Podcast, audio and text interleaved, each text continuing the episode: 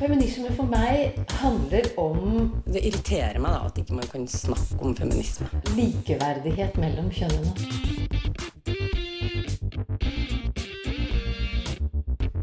Det blikket på kvinnen på film. Det handlet det om å bli tatt på alvor som jente. Du hører på Et eget rom på Radio Nova. Det finnes flere tusen norske barn som av ulike grunner ikke ser den ene forelderen i løpet av en vanlig måned. Og 35% av disse barna opplever at mor nekter far å se sine barn. Men hva skjer egentlig når den ene forelderen saboterer samværet mellom barnet og den andre?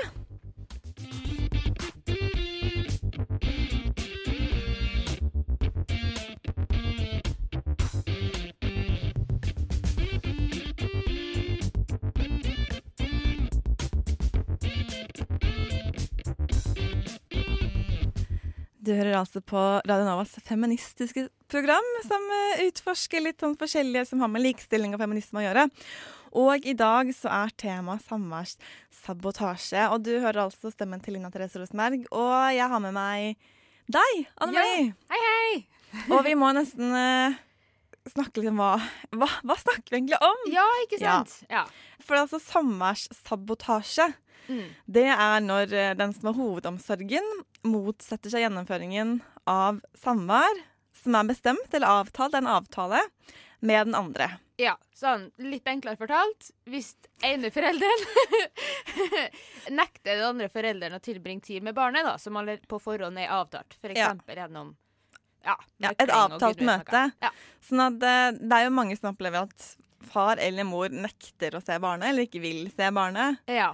Men, men det er en annen Det er ikke ja. ja Det blir noe annet. Det er liksom Hvis det er en avtale om at begge foreldre skal ha så og så mye tid, og så er det delt på en eller annen måte, og så nekter en av foreldrene at det blir oppfylt, da har man en samværssabotasje. Og så kommer vi til å snakke en del om dette med delt bosted. Ja. Og slik vi har forstått det, så betyr det at det er en 50-50 %-ordning. Ja. Sånn at barnet bor like mye hos mor og hos far. Og når man har en sånn fordeling, så har både mor og far like mye bestemmelsesrett på Ja. vegne av barnet. Ja. Mens hvis det ikke er en 50-50, så er det da den barnet bor mest hos, som er hovedomsorgsforsørger, eller ja, noe Ja. sånt og som da tar bestemmelser på vegne av barnet. Ja, nei, det stemmer jo egentlig det. At, du får, eh, at det kan være enten 50-50, eh, som er kanskje det man ønsker at det skal bli mer av, at det skal bli mer likestilt. Så det får vi jo se på etter hvert, da. Men eh, ja. Ja, det, I fjor høst så kom det noen forslag til lovendringer som handler om dette Hva gjør man når mor og far går fra hverandre? Mm. Og eh, Eline Hystad hun har sett litt på disse lovendringene og reaksjonene egentlig som, eh, som disse endringene, eller forslag til endringene førte med seg. I september 2016 så foreslo barne- og likestillingsminister Solveig Horne en endring i lovverket.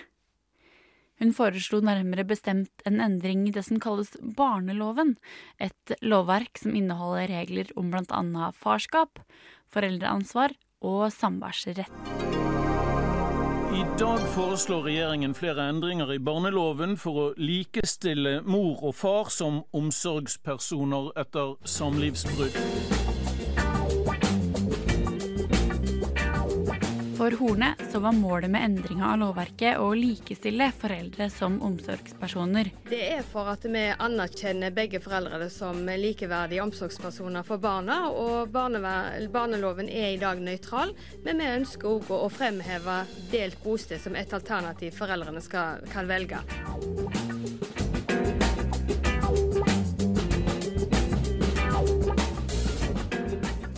Hovedsakelig så dreier det seg her om fire nye forslag. Felles foreldreansvar, også for dem som ikke bor sammen når barnet blir født. Delt bosted først i lovbestemmelsen. Varslingsfrist på flytting til tre måneder istedenfor seks uker.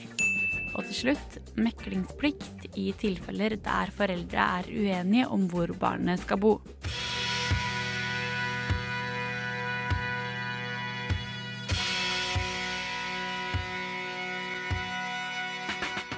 På lederplass skrev Aftenposten at eh, endringsforslagene var små, men symboltunge.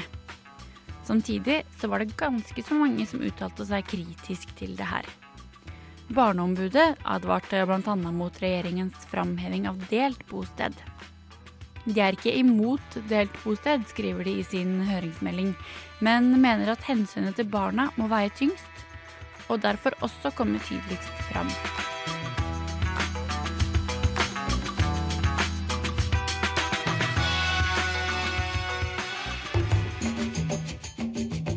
Norsk kvinnesaksforening retta også oppmerksomheten mot barnet. I sitt høringssvar så understreker de at idealet om likt foreldreskap kan stå i veien for fokuset på barnets beste. Av samme grunn så stiller de seg også kritisk til endringsforslagets tilrettelegging av delt bosted, og poengterer at det i så fall må gjennomføres på en måte som fungerer for barnet.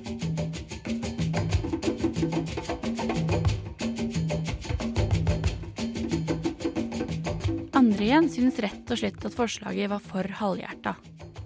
Mannsforum sitt høringsnotat innleder med å slå fast at endringsforslaget ikke går langt nok for å sikre likestilling mellom foreldre og barns rett til kontakt med begge foreldre. De konkluderer med at regjeringas forslag verken er kvinne- eller barnefiendtlig, og at all den tid barn og fedre taper de fleste konflikter, så gjøres det fortsatt for lite for å endre på det her.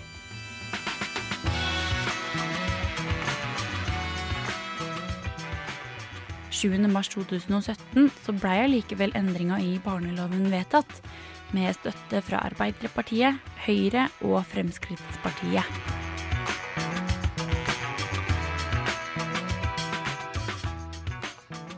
Eline Hystad, hva er det som hadde sett nærmere på dette med barnelov og reaksjonen på disse? Vi har funnet litt sånn forskning. Og nå har jeg så mange ark her, så hvis jeg blir helt forvirret og det blafrer, så vær klar over at det er arkene mine. Ja. ja fordi um, det har vært en del uenighet, og det handler litt om barnets beste. Mm. Og man har hatt en sånn tanke om at delt bosted er ikke det beste alltid. Det er mye bedre for barnet hvis det bor fast hos mor eller far. Ja. Og så er det mye forskning som sier at uh, nei, det er ikke nødvendigvis slik det er. Blant annet det er Norsk helseinformatikk som har skrevet en artikkel. De har basert der på en amerikansk studie ganske nylig, 2016, som viser at fars rolle eh, kan egentlig ikke erstattes. Altså Den er helt unik og har med seg noe helt annet enn mor, mor har. Og at det har veldig positive effekter på kosthold, ernæring, trening, lek og barneoppdragelse. Eh, blant annet med at far er kanskje litt mer den fysiske lekekameraten. Slik at eh, mens mor er en sånn omsorgsperson og har positive effekter på dette med omsorg og å lære barnet å være omsorgsfull for andre, Mm. så er faren viktig for motorikk blant annet, og fysisk helse i veldig stor grad. Og så er det flere studier som har funnet at i ungdomsårene så er det færre atferdsproblemer hos gutter som ser mor og far like mye, og færre psykiske, psykiske problemer hos jentene. Eh, og også bedre skoleresultater, faktisk, når man ser mor og far like mye. Mm. Og det er litt interessant at det er så mange ting som påvirkes av alle disse tingene. Ja, det er veldig interessant, egentlig. Det her, mye av det er fra USA, Mm. eh, men det var en svensk studie som ble publisert i januar i år, og det er ganske likt Norge og norske forhold. Som var eh, Det er 5000 barn i alderen 10 til 18 år som har blitt eh, studert og stilt spørsmål og blitt observert. Og det man ser, er at barn som har eh, delt bosted, de kommer omtrent like godt ut. Ikke like mye som folk eller barn som lever med gifte eller samboende foreldre, men, men litt dårligere. Nesten Ja. det samme. Og man ser da at um, de har bedre forhold til sine venner, og også mer fornøyd med sine fedre når man ser faren omtrent like mye som man ser mor. Og jenter som bor hos enten mor eller far, de har eh, mye oftere søvnproblemer enn jenter som bor like mye hos hver, eller som har foreldre som bor sammen. Mm. Det er ganske interessant, da. Ja, det er veldig interessant. Og det er et kjempeproblem blant uh, tenåringer i mange sammenhenger. Ja. Jeg lurer på om det var 35 av jenter som bor hos mor eller far, sliter med søvnproblemer i tenårene. ja, ikke sant. Og så påpeker man veldig tydelig at man snakker om barn på gruppenivå, og det finnes veldig mange enkelttilfeller og, og unntak, så klart. Mm. Men når man prøver å forklare disse tingene, så ser man på at uh, når foreldre har delt omsorg, så tvinges de til å måtte, få bort alle konfliktnivåer i, i familien. Sånn at Mm. konfliktnivået synker. Og så mener de at når foreldre har det bra med seg selv og sitt eget liv, så har det mer positiv effekt for barna Ja. enn at de må bo i to hjem. Eh, og at hvis man er en aleneforelder, så er det ofte knappere ressurser, fordi økonomien er mye trangere. Og det har da negativ effekt også på barna, så klart. Ja. Eh, og rett og slett det at eh, barns savn Nå ble det veldig mye her, beklager. Eh, etter den andre parten selvfølgelig har en negativ effekt. Og Ja. når man ser hverandre like mye, så er jo ikke det savnet like påtrengende. Mm. Vi snakker mye mer om det her, og vi skal inn på dette med likestillingsperspektivene her. Men før det, Ben Khan.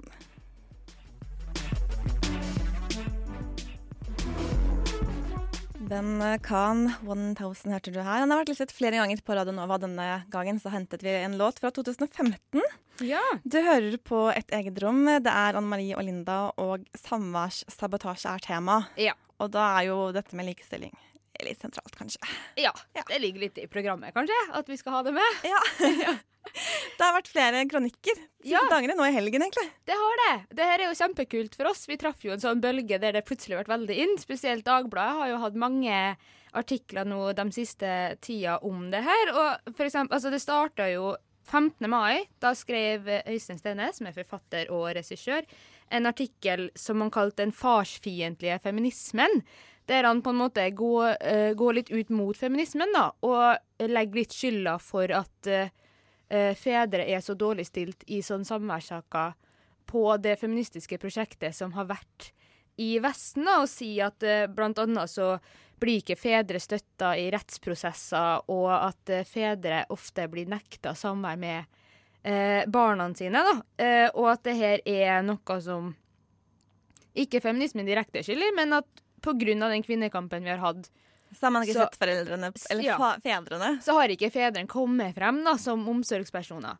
Og det er jo litt interessant, da, fordi sånn for eksempel så sier han jo at uh, over 20% av alle samværsfedre ikke har møtt barna sine den siste måneden og sånne ting. Og hvis det her er sant, så er jo det kjempealvorlig, syns nå jeg, da. Og så går det jo litt videre, da, for at det er jo ingen artikkel i Dagbladet uten at han svarer. Nei. Sånn at den 21. mai så skrev Linn Stalberg på, på Dagbladet om feminismen som ikke er fienden, da. Der hun fremhever litt mer det der at feminismen har jo kjempa en kamp for å få kvinner til å bli såpass likestilt som det mennene er nå, og at derfor må kanskje menn lære av den kampen, og kanskje ta kampen litt på samme måte som det feminismen har gjort, da. Og peker også på det der at det er jo egentlig ikke feminismen som er problemet her, at det er mer Det er samfunnet. systemet. Ja, ikke sant? Det er en sånn systematisk eh, problemfeil-ting. At det blir feil å skylde på en sånn feminismebevegelse som liksom hovedproblemet her, da. Det handler litt om hvordan man ser på mor og far, Ja. og at mor er bare den viktigste. Sånn, det er sånn veldig mange forstår det. Ja. ja, det er litt det der, ikke sant. At den derre rollene, da. At man må komme frem. Det synet man har på kvinner, har, blitt kjempet frem, og derfor mener jeg at da må man jo kjempe frem eh, synet på fedre som også en omsorgsperson, da. Og at det er det som endres, ikke feminismen, da. Ganske snart så kommer Camilla Pettersen. Hun har skrevet en bok om det her. Hun er eh, faktisk sitter litt utenfor her og venter. Og hun er heller ikke er ganske sikker på, så veldig sånn kritiske til feminismen alene. Mm. Men at man må jobbe litt uh, sammen. Mens hun kommer inn i studio, så skal du få høre Elida Høgalmen med 'Winter Sun' her på Radio Nova.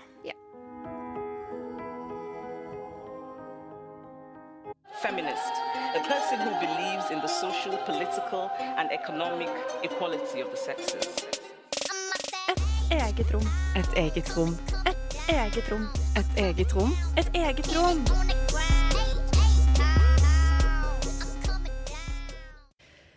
Ganske nylig så kom boken 'Samværssabotasje' ut. Og den har du skrevet, Camilla Pettersen. Eh, velkommen til oss her i Et eget rom på Radio Nova. Takk. Det her er jo norske fedre som forteller om sine erfaringer med dette med samværssabotasje. Kan du helt i starten fortelle litt om hvorfor du er så engasjert i det her temaet? Ja, jeg ble jo veldig engasjert i dette temaet da jeg ble vitne til et samlivsbrudd eh, hos et par i min nærmeste krets. Og jeg ble ganske sjokkert over hvilke virkemidler som ble tatt i bruk eh, fra den ene parten for, for å ekskludere den andre. Det var eh, falske beskyldninger, det var uriktige anmeldelser. Eh, og mitt tillitsforhold til denne faren ble satt på prøve, og jeg måtte jo finne ut av om jeg kunne fortsette å stole på han, eller om jeg skulle stole på systemet som eh, gjorde at han ikke fikk lov til å være den pappaen han ville være. Det ble jo etterforskning. Han, eh, han kunne bevise uskyld i flere av påstandene som var retta mot han. Og jeg lurte jo fælt på hvordan dette hang sammen, da. At eh, han på en måte ble ekskludert når han var uskyldig. Og etter hvert så leste jeg litt i mediene. Jeg ble tipsa av en venn om eh, en fedregruppe på Facebook. Og etter hvert så kom jeg inn i flere av disse fedregruppene. Det viste seg for meg at det var flere grupper med fedre som hadde eh, organisert seg i sosiale medier, eh, hvor de deler erfaringer, sine frustrasjoner. Eh, deler nyhetssaker om det samme temaet. Og mange av de, de ytra at de hadde vært de hadde vært gjennom lignende opplevelser som den faren jeg kjente. Og da fikk jeg jo et bilde av at det var ganske mange som var utsatt for det samme, og som ikke føler at de blir hørt. Og jeg fikk lyst til å skrive en bok om det, fordi jeg har skrevet mye fra før, men ikke om dette temaet, selvfølgelig, om andre typer temaer. Um, jeg søkte fritt ord om å få skrivestøtte, og det fikk jeg innvilga. Så da fikk jeg tatt permisjon og kasta meg uti det. Begynte å intervjue fedre og samle informasjon. Da jeg tok kontakt med deg, mm. så skrev du tilbake at du er veldig opptatt av dette med likestilling og likeverd når det mm. gjelder det her. Mm. Kan du utdype det også litt mer? Man har Hvis det er uenighet mellom foreldrene, så, så gis det en del råd i forbindelse med meklingen. Og det er da råd som går på at barnet bør bare ha ett bosted. Det bør ha lite samvær, egentlig. Bare dagssamvær, timesamvær med den andre. Sånn at det blir på en måte en sånn Hva skal man si En, en dragkamp, en konkurranse mellom foreldrene. Og når det her havner i rettsapparatet, så, så ender man opp med en sånn svartmalingskamp, hvor den ene prøver å framstå som eh, altså man, man, prøver jo å framstå som den beste av seg selv, på en måte. Den beste omsorgspersonen. Og det handler ofte om å få satt den andre i et dårlig lys. Så det kan bli ganske stygt. Det er ganske grove påstander som man kan få retta mot seg, som ikke nødvendigvis trenger å være sanne. Mm. Men, men, når menn, mm. eh, hvis de opplever samværssabotasje og tar kontakt for å få rettshjelp, for å få endret det her, mm. hva slags reaksjoner opplever de å få både fra generelt omgivelsene sine, men også fra altså, de som jobber med rettshjelp? Opplever de å bli hørt og trodd at de får den hjelpen de Nei, de kjenner seg ofte ikke igjen i, i påstander som blir eh, Altså når de leser dommene sine, så, så, så, kjenner de seg ikke igjen. De føler at hverdagslige ting blir brukt mot dem. Uansett om det er bra eller dårlig det de gjør, så, så blir det vinkla veldig negativt. Det er, mange, det er, det mange fedre som har uttrykt overfor meg, i hvert fall. Mm. Jeg tenker jo også litt på det der med selve barnet oppi den prosessen her, da. Ja. Og jeg kan jo ikke tenke meg det at det å ha en sånn konflikt mellom mor og far er noe positivt for det barnet. At du kan ha tanker om den ene forelderen som smitter over på barnet og sånne ting. Mm. Har du noen tanker om det? Ja, altså Det, det fins jo eksempler på at man prøver å påvirke barnet til å ikke like den andre forelderen. Noen ganger så opp, har jeg hørt om at, uh, at, barn på en måte blir avskåret fra den ene forelderen sin i mange måneder, uh, kanskje opptil år. De mister kontakten med resten av familien. Og jeg, jeg tenker at det er jo ikke noe bra for barna når man vet at barn som har god kontakt med begge foreldrene sine etter samlivsbrudd, de har bedre psykisk helse, de har bedre skoleprestasjoner, de har bedre fysisk helse fordi de oftere får delta på fritidsaktiviteter, de har bedre kosthold. De har en rekke fordeler som, eh, som eh, ikke de nødvendigvis har hvis de blir boende bare hos én og ser veldig lite til den andre. Du hadde en eh, kronikk eller kommentar i VG mm. hvor du henviste til en forskningsartikkel. Mm. Og den innleder med å si at det her viser forskning, men likevel er det mange som mener at det ikke er sånn. Mm. Har du noen tanker om det? Hvorfor er det så vanskelig å, å tro på forskning som sier at delt bosted kan være det beste for et barn? Jeg tror at uh, det her med delt bosted er veldig komplekst. Uh, man har forskning som viser at foreldre som velger å, å, praktisere delt bosted, de har høy utdanning og de har høy inntekt. Det kan bety at uh, det er en økonomisk bit oppi det her som, som er et skjult motiv for mange. Kan Så, du utdype det litt? Ja, f.eks. barnebidrag er jo en uh, ting som, uh, som henger sammen med hvor mye man har barnet sitt, hvor mye omsorg man har, hvor lite samværsforeldren ser barnet. Inntekt. Det finnes også forskning som viser at uh, barna bor mer fast hos mor jo færre timer mor arbeider. Sånn at jeg tenker at man må se litt på de stønadsordningene som finnes, og hvilke muligheter mødre har til å få seg utdanning og komme seg ut i arbeid og kunne forsørge seg selv etter et samlivsbrudd. Jeg tror det det er viktig. Camilla, du blir med oss litt videre utover i eh, sendingen. De har vært listet flere ganger før, og her er de igjen, bergenske hester V75. I slutten av april så kom de med sitt andre minialbum, og herfra så har vi funnet låta 'Troen på'. Fjeset ditt er maske på, du er ikke en å stole på. Har fjeset ditt maske på, så er det ikke helt til å stole på, synger Hester V75, som akkurat på denne låta har fått litt hjelp fra King Skurk One. Du hører fremdeles på et eget rom som akkurat denne mandagen snakker om samværssabotasje. Camilla Pettersen, det har du akkurat utgitt en bok om. Og eh, du fortalte jo innledningsvis at du har jo opplevd det her litt selv eh, gjennom et vennepar. Mm. Um, når du har snakket med, med, fedre som har opplevd det her, når det blir en, en, så stor konflikt, er det noe som kommer veldig Eller i hvert fall samværssabotasjen, når de ikke får møte barna sine, kommer det veldig sånn uventet? Eller har det da vært en konflikt liggende lenge mellom foreldrene? Jeg vil jo skille mellom samværssabotasje og andre former for samværshindring, for det første. fordi at hvis man snakker om samværssabotasje, så er det et brudd på en avtale man har om at det skal være samvær. Eh, samværssabotasje er jo da at avtalt samvær ikke blir uh, gjennomført til avtalt tid. Men det finnes jo mange andre måter å hindre at uh, barn får være sammen med den andre forelderen sin på, enn at det nødvendigvis er brudd på en avtale. Det kan komme brått på hvis det er et brudd og den ene tar barnet med seg og flytter. Men du er opptatt av begge deler? Jeg er opptatt av at barn ser generelt mindre til far etter et samlivsbrudd. Det er jo vist at 82% av alle aleneforeldre er mødre. Og Det betyr at man har en redusert kontakt med far. Den kan være stor, og den kan være liten. Det ja.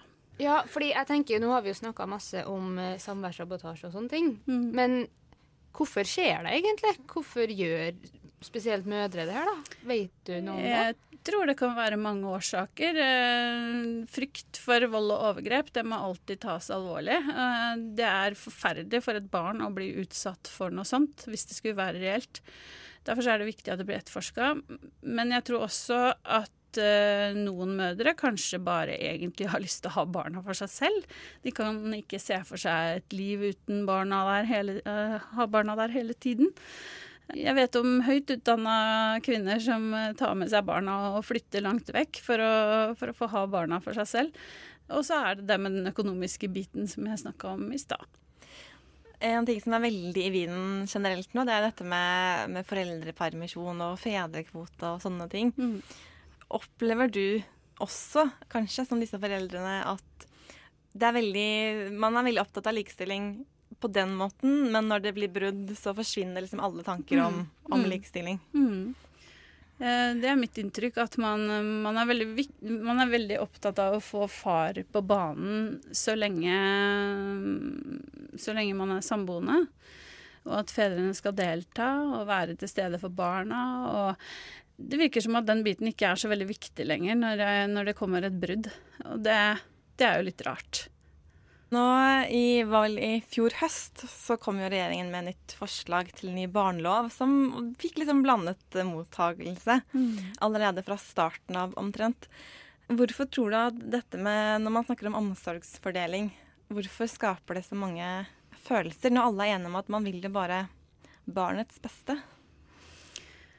Ja, det har jeg lurt på lenge. Hvorfor, eh, hvorfor feministorganisasjonene sto så samla om å være imot delt bosted som utgangspunkt i loven i den høringa som var i familie- og kulturkomiteen da loven ble behandla i Stortinget.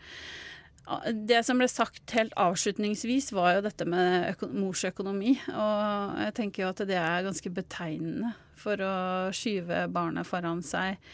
Eh, når man vet at, eh, at for, høystatusforeldre velger å dele på omsorgen, så, så, blir det litt rart at man er så skeptisk hvis man ikke har den økonomiske tryggheten. Mm. Mm. Tror du eh, loven kan hjelpe? Tror du det kan føre til noe endring?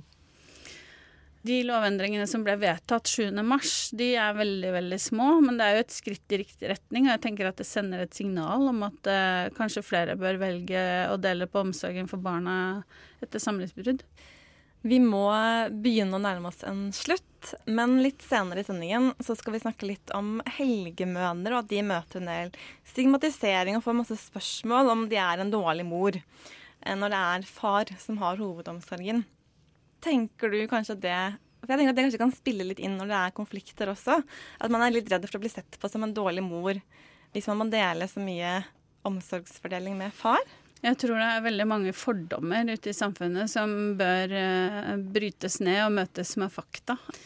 Og det er selvfølgelig like ille hvis det er en uh, mor som blir avskåret omsorgen for, uh, for barna. Altså, barn trenger både mammaen og pappaen sin i de aller fleste tilfeller. Ja. Mm. Tusen takk, Camilla, for at du ville komme hit til Radio Nova denne mandagsmorgenen. Takk. Klokka er iallfall ti, og det betyr et eget rom. Du hører på Et eget rom?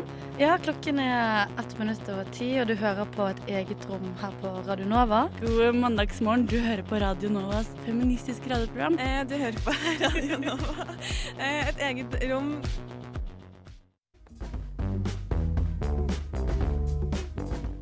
spanske toner fra Florida, faktisk. Han, er, uh, han har røtter fra Ecuador, men han er altså amerikansk elado negro lingua larga.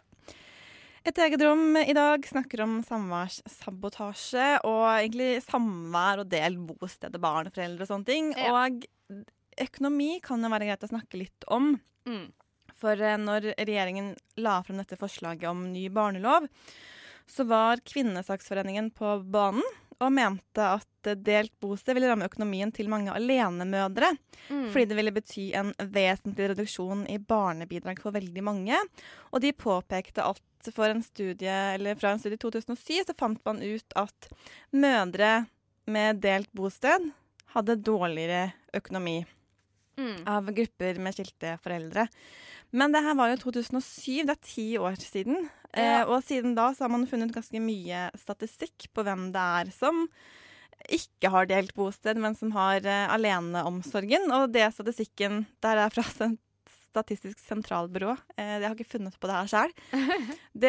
Den sier jo da at det er eh, foreldre med lav utdanning og som jobber deltid, eh, og med høyt konfliktnivå. Der er det større sannsynlighet for at særlig mor blir aleneforsørger. Ja. Og særlig når det gjelder fedre, så er det også slik at uh, de fedrene som har dårligere helse, og som er mindre engasjert i barneoppdragelsen før samlivsbruddet, de også lar ofte mor bli aleneforsørger. Ja. Og når man vet fra så mange studier at økonomi, utdanning, helse og likestilling i familien henger så mye sammen, ja. så er det jo veldig komplekst, da. Og jeg, man har funnet noen tall på det her. Og jo færre timer mor jobber i løpet av uken, jo høyere sannsynlighet er det for at hun blir aleneforsørger. Mm. Ja, nei, jeg syns det er veldig merkelig det der med at uh, Altså, det er litt sånn Jo rikere du er, skal jeg si, jo mer rikere begge foreldrene, jo større sannsynlighet er det for at man f.eks. har delt bosted. Da. At uh, at penger skal bety så mye. Og så er det liksom skurrer litt for meg, da, hvis det er på en måte det barnebidraget som gjør at mødre er i stand til å være eh, Mødre. mødre til barnet sitt på heltid, da, som ofte skjer hvis de sjøl jobber deltid og sånne ting, så tenker jeg litt da burde man kanskje finne andre løsninger på det, da, enn at det er barnebidraget som skal avgjøre om barnet ender opp med om, delt omsorg, eller Og så ville jeg og jeg tenkt at hvis man har delt omsorg, så er det lettere for begge foreldrene å ta videre utdanning. Og Ja. kanskje ha større mulighet for en, en høyere stillingsbrøkdel og da bedre inntjeningsgrunnlag. mm. Enn hvis man er en aleneforsørger. Så man blir veldig fastlåst. Det er noen sirkler som går igjen her. Det er altså en studie som eh, SSB gjorde, som viste seg at hvis man har en ordning hvor mor eh, er aleneforsørger, så er, holder det seg veldig stabilt. Det, det er sjelden noen endring på det, men når det skjer en endring, så er det ofte blant mødre som jobber fulltid eller mer, Mm. hvor man etter hvert går over til en mer likere omsorgsfordeling. Det her kan jo henge litt sammen med hvordan man ser på mor og far. Og Synnøve Berg Meisingseth hun har sett på dette fenomenet med Eller fenomenet, man nesten kalle det det, for det er litt Ja. uvanlig. Dette med helgemødre.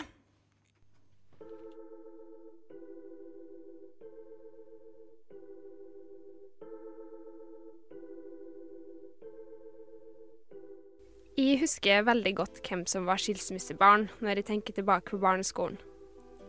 Ikke fordi de var så sykt få, og at de utmerka seg på den måten, men eh, mer fordi det alltid var litt mer knølete å avtale f.eks. overnattingsbesøk.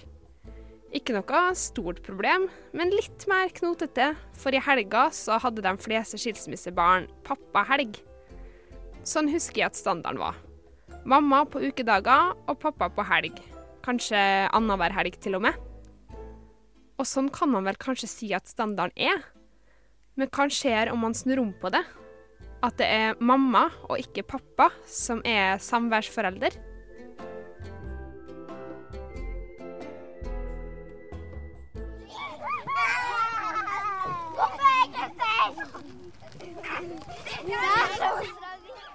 Hva var det som var galt med meg? Det måtte jo være noe galt. Det har jo blitt en sånn selvfølgelighet på at hvis far har ungene på fulltid, så har du tapt en eller annen sak. Da må du enten være narkoman, alkoholiker eller gal. Dette er det Camilla som sier. Hun har barna sine én gang i uka og annenhver helg, og er en av sju kvinner som ble intervjua av sosiolog Grete Larsen om livet som samværsmødre. Det viser seg at det ikke skal være så lett, for stigmatisering og kritiske konfrontasjoner er de ikke ukjent med. Camilla forteller også at da hun fortalte om løsninga i barnehagen, braste en ansatt ut i gråt.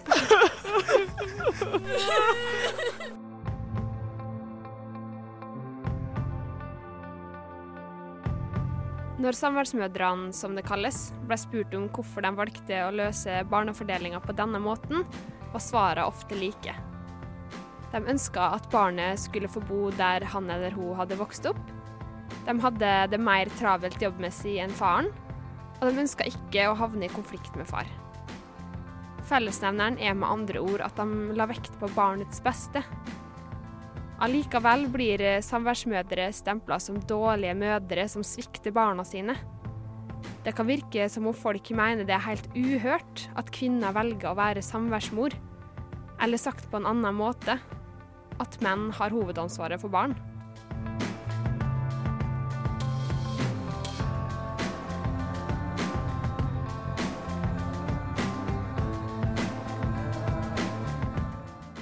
Professor i sosiologi Anne Lise Ellingsæter mener at kravene til morsrollen er høyere enn noensinne. Hun trekker bl.a. fram trenden med såkalte mammabloggere. Og apropos mammabloggere.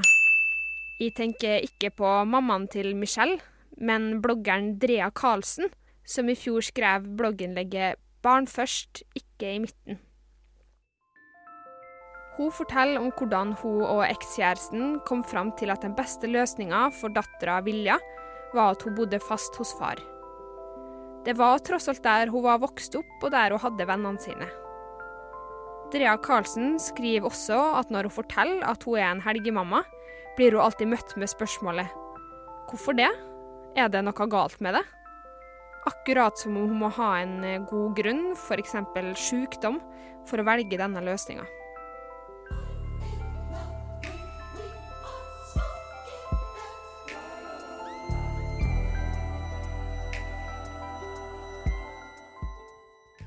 Heldigvis er det ikke grunn til bekymring, for eh, i en artikkel fra SSB kommer det fram at samværsmødre har oftere enn samværsfedre felles daglig omsorg og bor oftere i nærheten av barna. De har også mer daglig kontakt, og samværsmødrene, eller helgemødrene om du vil, var også mer opptatt av rutiner av hverdag når de var sammen med barna, mens fedrene i større grad la vekt på at ting skulle være morsomt. Litt sånn tivoli-pappa.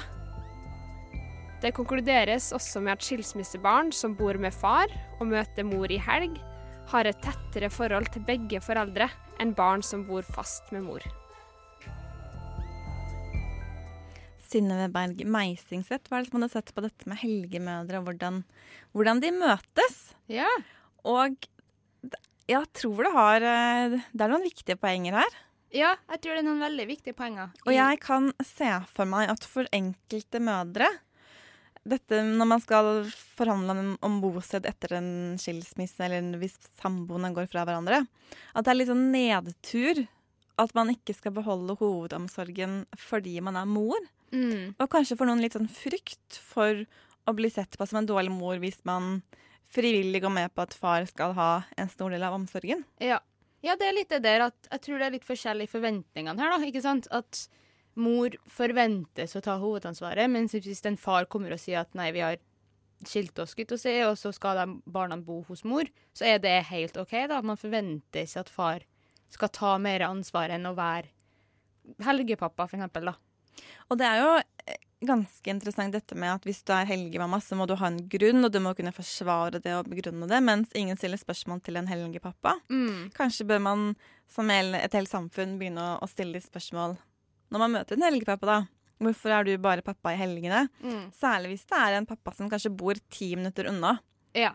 Sånn at barnet kunne gått frem Ja. og tilbake på mer daglig basis. Ja, for det er jo også interessant, sånn som Synnøve fant ut òg, det der med at hvis det er mora som er helgemamma, så er kontakten mye oftere også i uka, da, gjennom sånn meldinger og Skype og alt mulig sånne ting. At kontakten fortsatt er der, selv om barnet ikke bor hos mor. Mens at kanskje hvis at barnet har fedre som helgepappa, så er kanskje det ikke like ofte, da. Nei, Det er akkurat det forskningen viser. Mm. Eh, og nå husker jeg ikke hvem som sa det, men for noen år siden så var det en forsker, en psykolog, som var ute og sa det at eh, egentlig så bør flere fedre være alenefedre. Ja. Fordi at da sikrer man barnet en, en mye mer jevn fordeling mellom begge foreldrene, selv om det ikke er delt bosted. Ja. Eh, og nå leste ikke jeg noen særlige reaksjoner på det, men jeg kan se for meg at i enkelte miljøer så var det nok litt sånn Hva i all verden snakker du om? Ja. Ja, nei, jeg tror det er veldig sånn holdninger som henger igjen, at mor er omsorgspersonen, liksom. Og mor slutter aldri å være mor uansett. At det er mora som skal være hovedforsørger, iallfall sånn omsorgsmessig, da, uansett hva som skjer. Men det kan jo også bety da, at man som feminister kanskje må være flinkere til å gå til alenefedrene. Ja. Og si sånn at selv om du ikke bor med barnet fast, og bare helgepappa, så må du søren meg eh, vise at du er engasjert i barnet ditt. Ja. Fordi Ja. det er viktig for uh, fremtiden. Og det er helt sikkert viktig for veldig mange kvinner også at pappaen er engasjert, selv om de ikke bor sammen pappa og barnet sin veldig ofte. Mm. Vi nærmer oss en slutt, uh, men før vi tar uh, helt avslutningen, så får det Great People.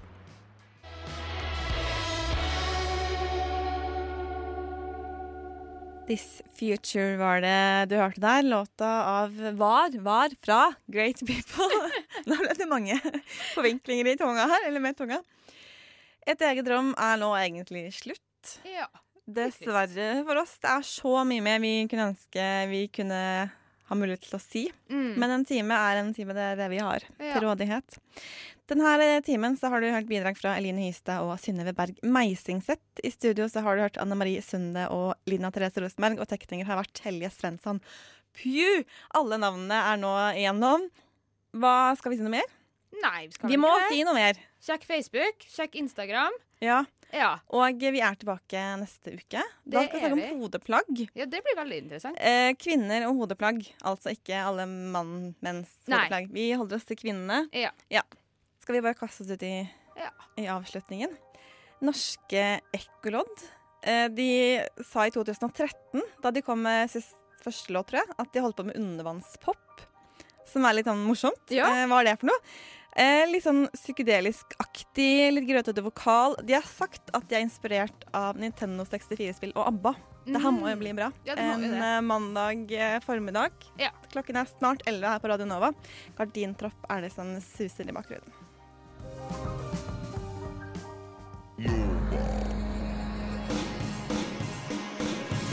Du har hørt en podkast fra Radio Nova. Likte du det du hørte? Du finner flere podkaster i iTunes og på våre hjemmesider radionova.no.